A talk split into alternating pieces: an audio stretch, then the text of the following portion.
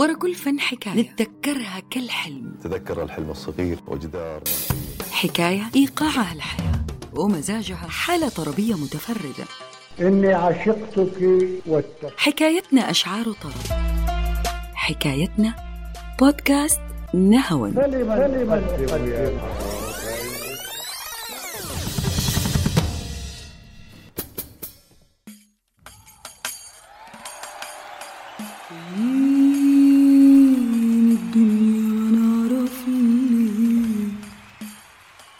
ولا رايحين فين ولا عايزين إيه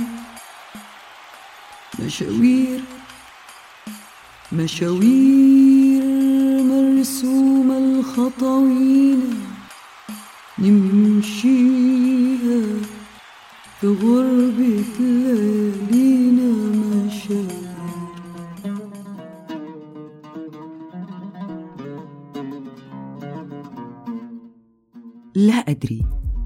لا أعلم. هي جملتين بسيطة في تركيبها معقدة في مضامينها وكل ما زاد الإنسان في استخدامها كل ما لمح أكثر إنه يواجه صعوبة في فهم شيء ما. أما لو اتكررت هذه الجملة المنفية على لسان شخص وبالذات في القضايا اللي تخص وجوده في هذه الحالة نقدر نقول إنه قائلها اقترب من مذهب الأجنوستي واقترب بخطوات ثابتة كخطوات الفرس. يعني اقترب من مذهب اللا أدريين نعم مذهب اللا أدريين واللي تقدر تعرفه من بيتين مشهورة للشاعر إيليا أبو ماضي حين قال جئت لا أعلم من أين ولكني أتيت. ولقد أبصرت قدامي طريقا فمشيت. وسأبقى ماشيا. إن شئت هذا أم أبيت؟ كيف جئت؟ كيف أبصرت طريقي؟ لست أدري.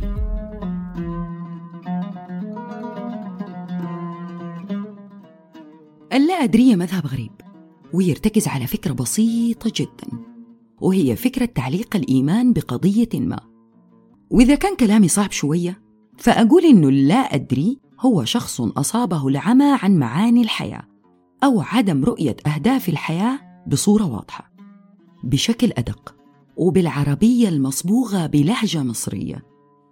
لما يتساءل شاعر ويقول جايين الدنيا ما نعرف ليه ولا رايحين فين ولا عايزين إيه؟ فمن حق المتلقي أن يصف الشاعر بأنه يطرح قضية وجودية عنوانها من غير ليه.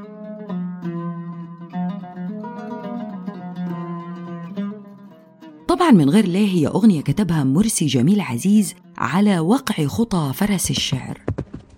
حتقول لي مين مرسي جميل عزيز؟ حقول لك هو نفس الشاعر اللي كتب لأم كلثوم سيرة الحب وألف ليلة وليلة وفات المعاد. لكن اليوم حنتكلم عن أغنية من غير ليه واللي صاغها صوتا ولحنا موسيقار الأجيال محمد عبد الوهاب.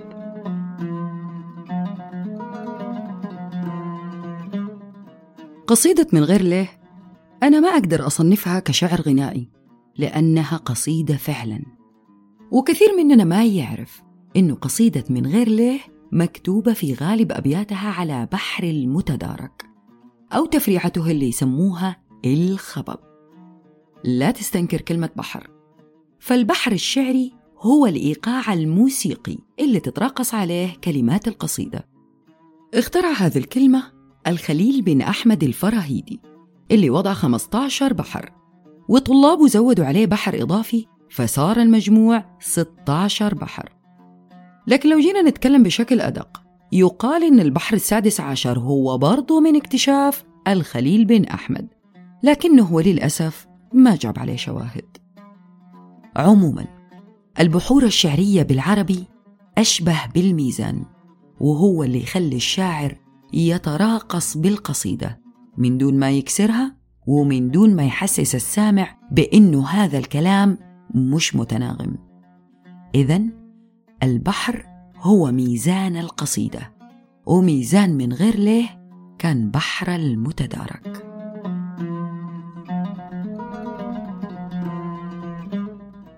طب خلوني أركز معاكم على بحر المتدارك أو الخبب. وفي الحقيقة أنا أصريت أقول كلمة خبب لأنها حتوضح شكل هذا البحر. الخبب هو ضربات حوافر الفرس على الأرض وتكون ثلاث ضربات ورا بعض. مثلا تررن تررن تررن أو تتتك تتتك تتتك. هذه التررن أو التتتك عملوا لها صيغة مكتوبة وهي فعل فعل فعل. هذا الميزان ميزان موسيقي ويقدر يرقص أي كلمات تقولها. مثلا اسمع معايا هذا الخبب أو ضربات أرجل الفرس في هذين البيتين. يا ليل الصب متى غده؟ أقيام الساعة موعده.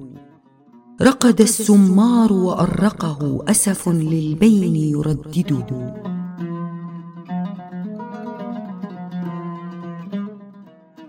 بالمناسبة هذه الأبيات كتبها علي الحصري القيرواني الشاعر اللي انولد وترعرع في تونس الخضراء وبالتحديد في مدينة القيروان. الحصري فقد بصره وهو صغير ومن ساعتها ركب موجة الدهريات زيه زي أبو العلاء المعري اللي هو الآخر فقد بصره وهو صغير. أعجوبة الحصري الشعرية مكتوبة على ميزان الخبب.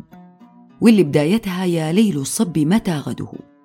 صارت كمثال نموذجي حاول الشعراء إنهم يقلدونه فيها. وهذه القصيدة الجميلة عارضها أمير الشعراء أحمد شوقي رحمه الله في قصيدة جميلة أخرى وغناها محمد عبد الوهاب بمقام حجاز حزين ومبكي. مضناك جفاه مرقده وبكاه ورحم عوده.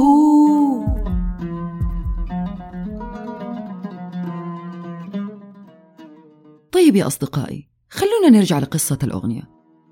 في عام 1975 ميلادية يعني قبل 45 سنة جلس الشاعر مرسي جميل عزيز على مكتبه وفي يده قلم وفي سمعه ضربات أقدام فرس. وداخل وجدانه تساؤل أو ابتهال وجودي. يقول فيه جايين الدنيا ما نعرف ليه. هذا كان مطلع قصيدة واللي ما تعرفوه والمفاجأة. هذه القصيدة كانت مستهدفة لحنجرة الفنان عبد الحليم حافظ. والواسطة بينهم كان ملحن الأغنية محمد عبد الوهاب. جايين الدنيا ما نعرف ليه ولا رايحين فين. ولا عايزين إيه. تأخر عبد الوهاب في إنهاء التلحين بسبب خلافات بين الثلاثي عبد الوهاب مرسي وعبد الحليم. وللأسف مات اثنين من هذا العمل قبل أن نستمع لعبد الوهاب بنفسه يتغنى بها. تخيلوا متى غناها؟ غناها عام 1989 يعني بعد 14 سنة من كتابتها. اكتسحت من غير ليها السوق وغطى موجها الطربي على حجارة الأغاني السريعة الخفيفة اللي كانت منتشرة في ذاك الوقت. من غير ليه عبارة عن استعراض موسيقي لا يشابهه أي استعراض. فالأغنية جات في فترة انحدر فيها مفهوم طرب وموسيقى وفي نفس الوقت جاءت كدر التاج عبد الوهاب كموسيقار. يبدأ مطلع الأغنية بمقام النهاوند وهو المقام الأساسي في هذه الأغنية المكبلة. وللأمانة هو من أقرب المقامات الموسيقية لقلبي. عموما سيبوكم مني وخلونا نرجع للأغنية. الأغنية فيها مذهب ومقاطع. ممكن يتغير فيها اللحن والمقام والإيقاع تماما وكأنها أغنية جديدة. والجميل في مقدمة أغنية من غير ليه إنها عصرت مقام النهاوند عصر. أقصد استخدمت كل فروع النهاوند. وتنقل فيها عبد الوهاب من النهاوند الرئيسي إلى مقام النوى. والنوى هو أحد فروع النهاوند ثم النهاوند الكردي ثم الحجازي.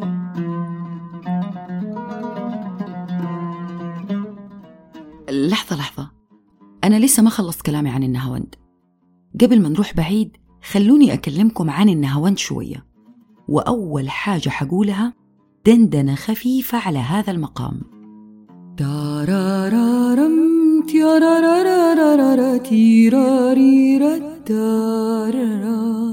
تيراريرم تيارارارارارا تيرارارارا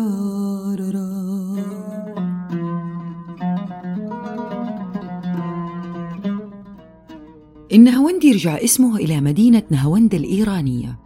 طابعه موسيقي شجي هادئ جدا ومتخم بالعاطفة.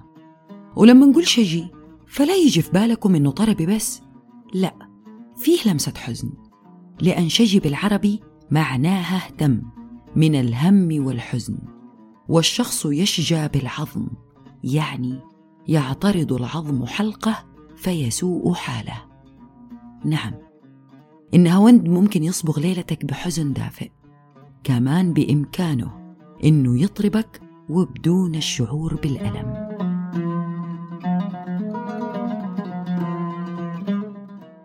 النهاوند تم استغلاله وبذكاء من مغنيين عرب كثير. تعال اسمع معايا محمد عبده وهو يقول صوتك يناديني يناديني صوتك يناديني تذكر. أو عبادي لما يقول من عذابي قلت لعيونك هلا يا هلا بك يا عذابي يا هلا. واللي يحب كاظم الساهر أكيد حيعرف إنها وند من أغنية زيديني عشقا زيديني يا أحلى نوبات جنوني زيديني. أو الموشح المشهور لما بدا يتثنى لما بدا يتثنى أمان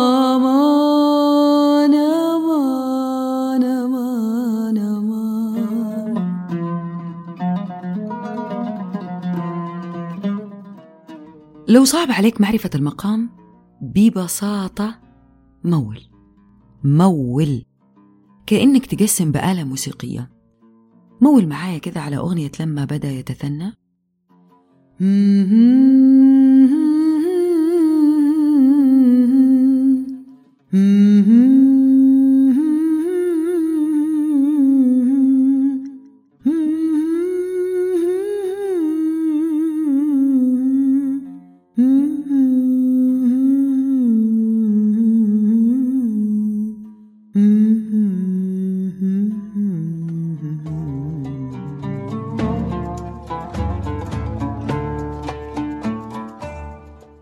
كلمات من غير له من الأغاني اللي حصلت على تغذية راجعة كثيرة والغريب إنه كثير منها كان سلبي. مرسي جميل عزيز هو كاتب هذه الكلمات زي ما قلنا في البداية الكلمات اللي كانت في غاية الضبابية. وضبابية هنا أنا ما أقصد فيها سريالية أو خارج صندوق المنطق بل ضبابية في الشعور الإنساني الوجداني. الشاعر بعد ما نفى معرفته بسبب وجوده في الدنيا بدأ يتكلم وكأنه فيلسوف وجودي. فلا هدف من الحياة ولا طريق واضح والعلة من وجوده كإنسان اختفت. هذا اللي خلى كثير يعترضون على الشاعر وشعره. فليست هذه عقيدة مستوية مع ما ورثناه من إرث ديني واجتماعي. المسلم يعرف ليش جاء وليش خلق وإلى أين المصير. أنا مثلا من الناس اللي حذروني أقار بكثير من سماع هذه الأغنية. مش عشان الأغاني حلال ولا حرام بل لأنه كلماتها كلها توهان يعني كلها فكر وجودي لا أدري.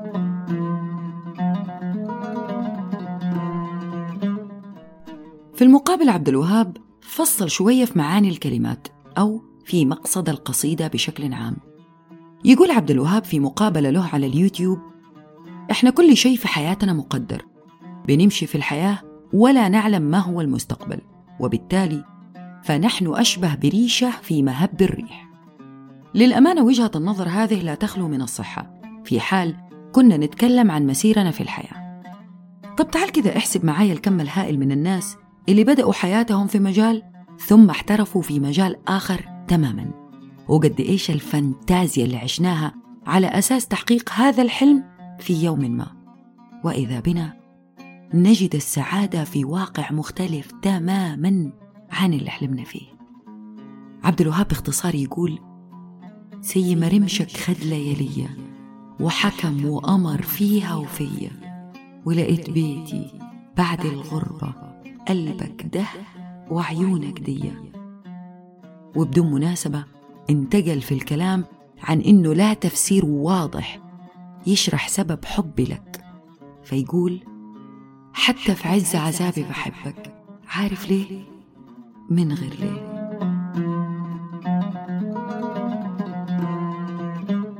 واضح إنه من غير ليه هي قصيدة تحاول تقول إنه سبب ما يحصل لنا في الحياة أحيانا يبقى غامضا. الدافع وراء قراراتنا أحيانا لا يمكن شرحه. فسبب هذا الحب ما ينفع نسأل عنه بليه. لأن اللي حصل ببساطة من غير ليه حطنطن على بعض الكتب اللي لاقت رواج كبير مؤخرا وتدعم فكرة القصيدة. وعشان أكون واضحة تماما كتاب زي قوة الآن لإيكارت تول. والكتاب الثاني هو كتاب علم التأمل لدانييل كولمان. تطرح هذه الكتابين فكرة التسليم للواقع. ولاحظوا أنا قلت تسليم وليس استسلام. والفرق بينهم جدا كبير. التسليم هو قبول الواقع كحقيقة واقعة يعني الاعتراف بإن اللي حصل حصل. اذا الاعتراف والتسليم بما وقع كحقيقة هو مرحلة أولى. أما تغيير هذا الواقع لواقع أفضل فهو مرحلة ثانية وتيجي مباشرة بعد الاعتراف والتسليم. وكأن من غير ليه هي عبارة عن اعتراف وتسليم بالواقع. اسمع معايا عبد الوهاب وهو يقول دنيتي غنوة؟ لا. تنهيدة؟ لا. لا شيء تاني. دنيتي حبك. حاجة حاسسها. حاجة لامسها شايفها. لكن ولا أوصاف توصفها.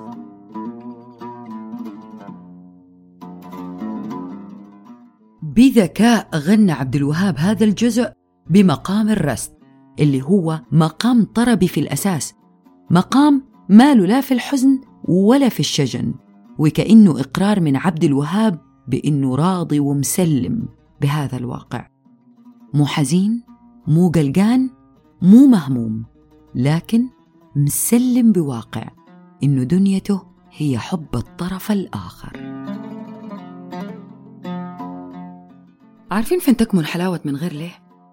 تكمن حلاوة من غير ليه في الانتقالات المتوالية للموسيقار عبد الوهاب بين المقامات.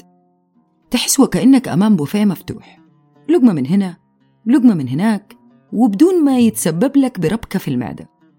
فبعد جرعة نهوند شجي يبدأ بعدها عبد الوهاب على طول مقطع جديد بالرست المقطع اللي قال فيه وأحلم لو غمضت عينيا غناها عبد الوهاب بمقام الرست.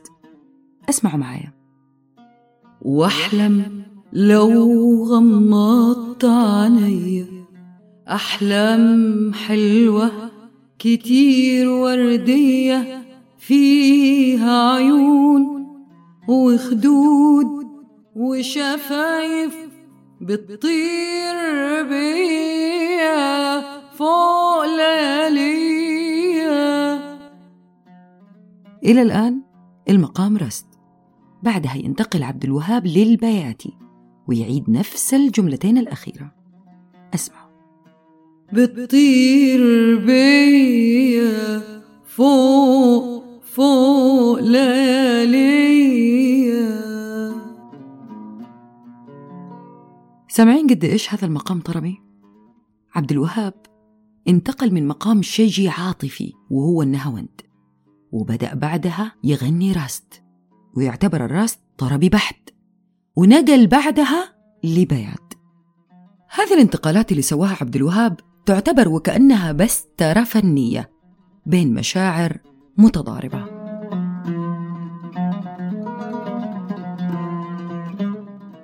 تعالوا معايا نشوف بسترة جديدة. عبد الوهاب كان يغني على البيات لما قال لما بشوفك الأك أحلى من الأحلام كل الأحلام. يلي عنيك سهرت الدنيا ورمشك حضن السحر ونام. لكن عبقرية عبد الوهاب إنه في وسط البيات كان يضيف ملعقة صغيرة من الراس وتلاقيها في مدة أو موال مرة قصير عشان يرجع يذكرنا بأن الراست هو المقام اللي بدأ فيه هذا المقطع. اسمع معاي عبد الوهاب كيف حشر بذكاء وصلة راست وسط البيات وهو يقول لما بشوفك ألقاك أحلى من الأحلام كل الأحلام كل الأحلام. لما بشوفك ألقاك أحلى من الأحلام كل الأحلام كل الأحلام. هنا يذكرنا عبد الوهاب بأنه بدأ راست. لما بشوفك. ويرجع لبيات مرة ثانية. حالة الروحة والرجعة من مقام لمقام والتذكير المستمر بالمقام الأساسي هو أسلوب عبد الوهاب العبقري واللي مستحيل نسمعه في الأغاني الجديدة.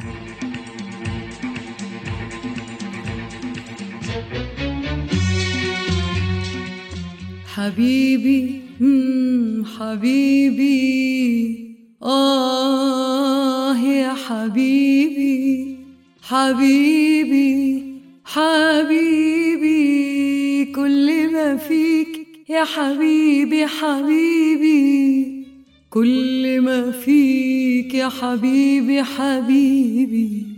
شعرك ليلي جبينك قمري.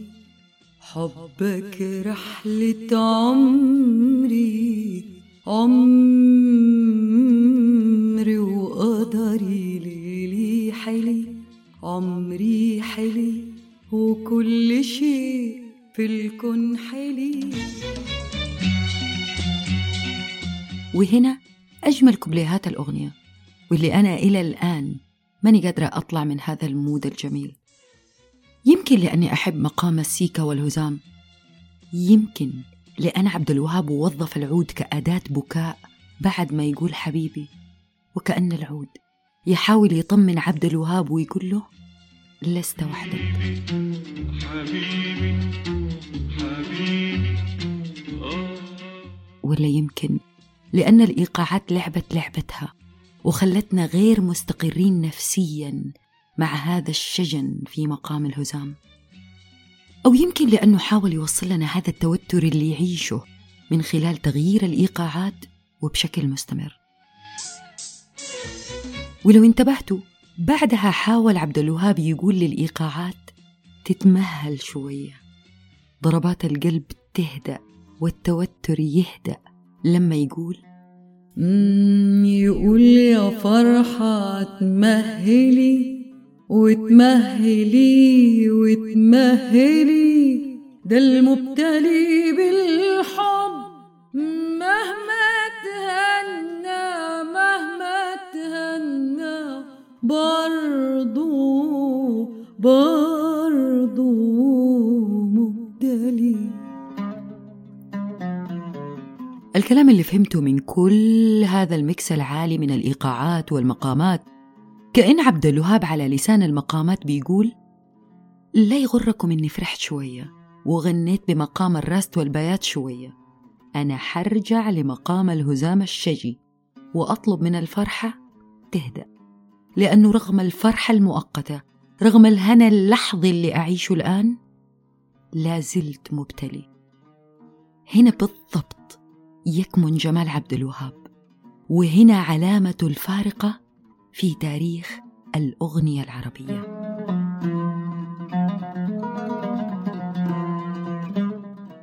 وصلت دفاع أخيرة حنختم فيها هذه الحلقة. دفاع عن تهمة الوجودية اللي طالت أغنية من غير له. أنا كمستمعة ومتذوقة لكلمات الأغنية ما أقدر للأمانة أصنفها كوجودية خالصة ولا حتى أقدر أصنفها كوجودية متطرفة. لأن الوجودية زي ما قال أنيس منصور صعب إنه إحنا نعرفها كمدرسة أو منهج بل هي تيار نفسي مزاجي في الغالب. إيش يعني ذا الكلام؟ يعني قصد الوجودي يبقى غير واضح ولا يمكن تشكيل ملامحه أو اتهامه إلا في حالة واحدة لو أقر بما يقصده من الوجودية. عندنا مثلا الشاعر أبو العلاء المعري. منهم من اتهمه بالوجودية الخالصة وقالوا إن الرجل نفى الرسالات السماوية وقدس العقل البشري واتجه للعبثية بشكل ما. وكان ينصح الكل بعدم الزواج والإنجاب. يقول أبو العلاء المعري خفف الوطأ ما أظن أديم الأرض إلا من هذه الأجساد. بينما هناك نظرة أخرى لوجودية أبو العلاء المعري أو لقريحته الشعرية الوجودية. وأهم من دافع عن المعري وحمل لواءه عباس محمود العقاد. وكانت دفاعاته في ثلاث نقاط.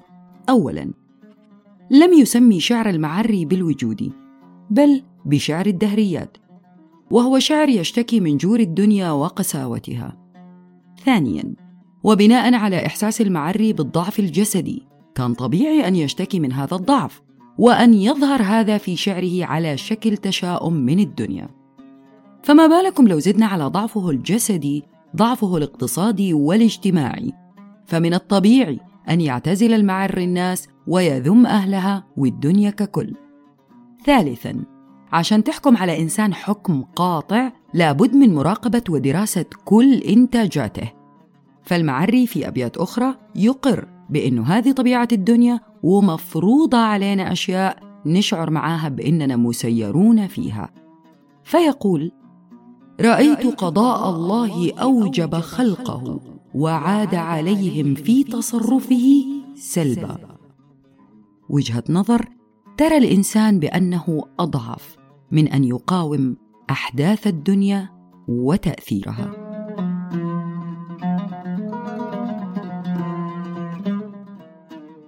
وفي النهاية نقول إنه آخر أبيات في أغنية من غير ليه وضعت حكم قاطع لمقصد الشاعر.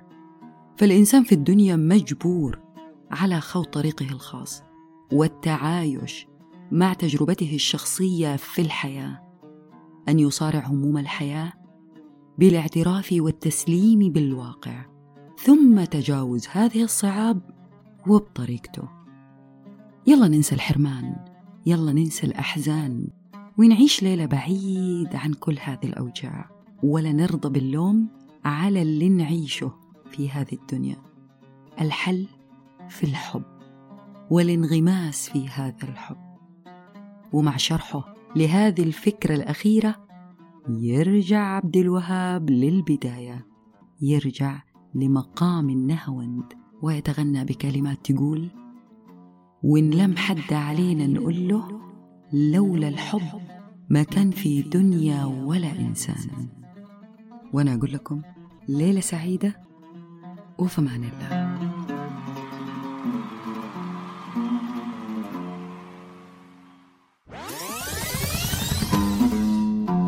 ورا كل فن حكاية. نتذكرها كالحلم. تذكر الحلم الصغير وجدار. حكاية إيقاعها الحياة ومزاجها. حالة طربية متفردة. إني عشقتك واتقيت حكايتنا أشعار طرب. حكايتنا بودكاست نهوى.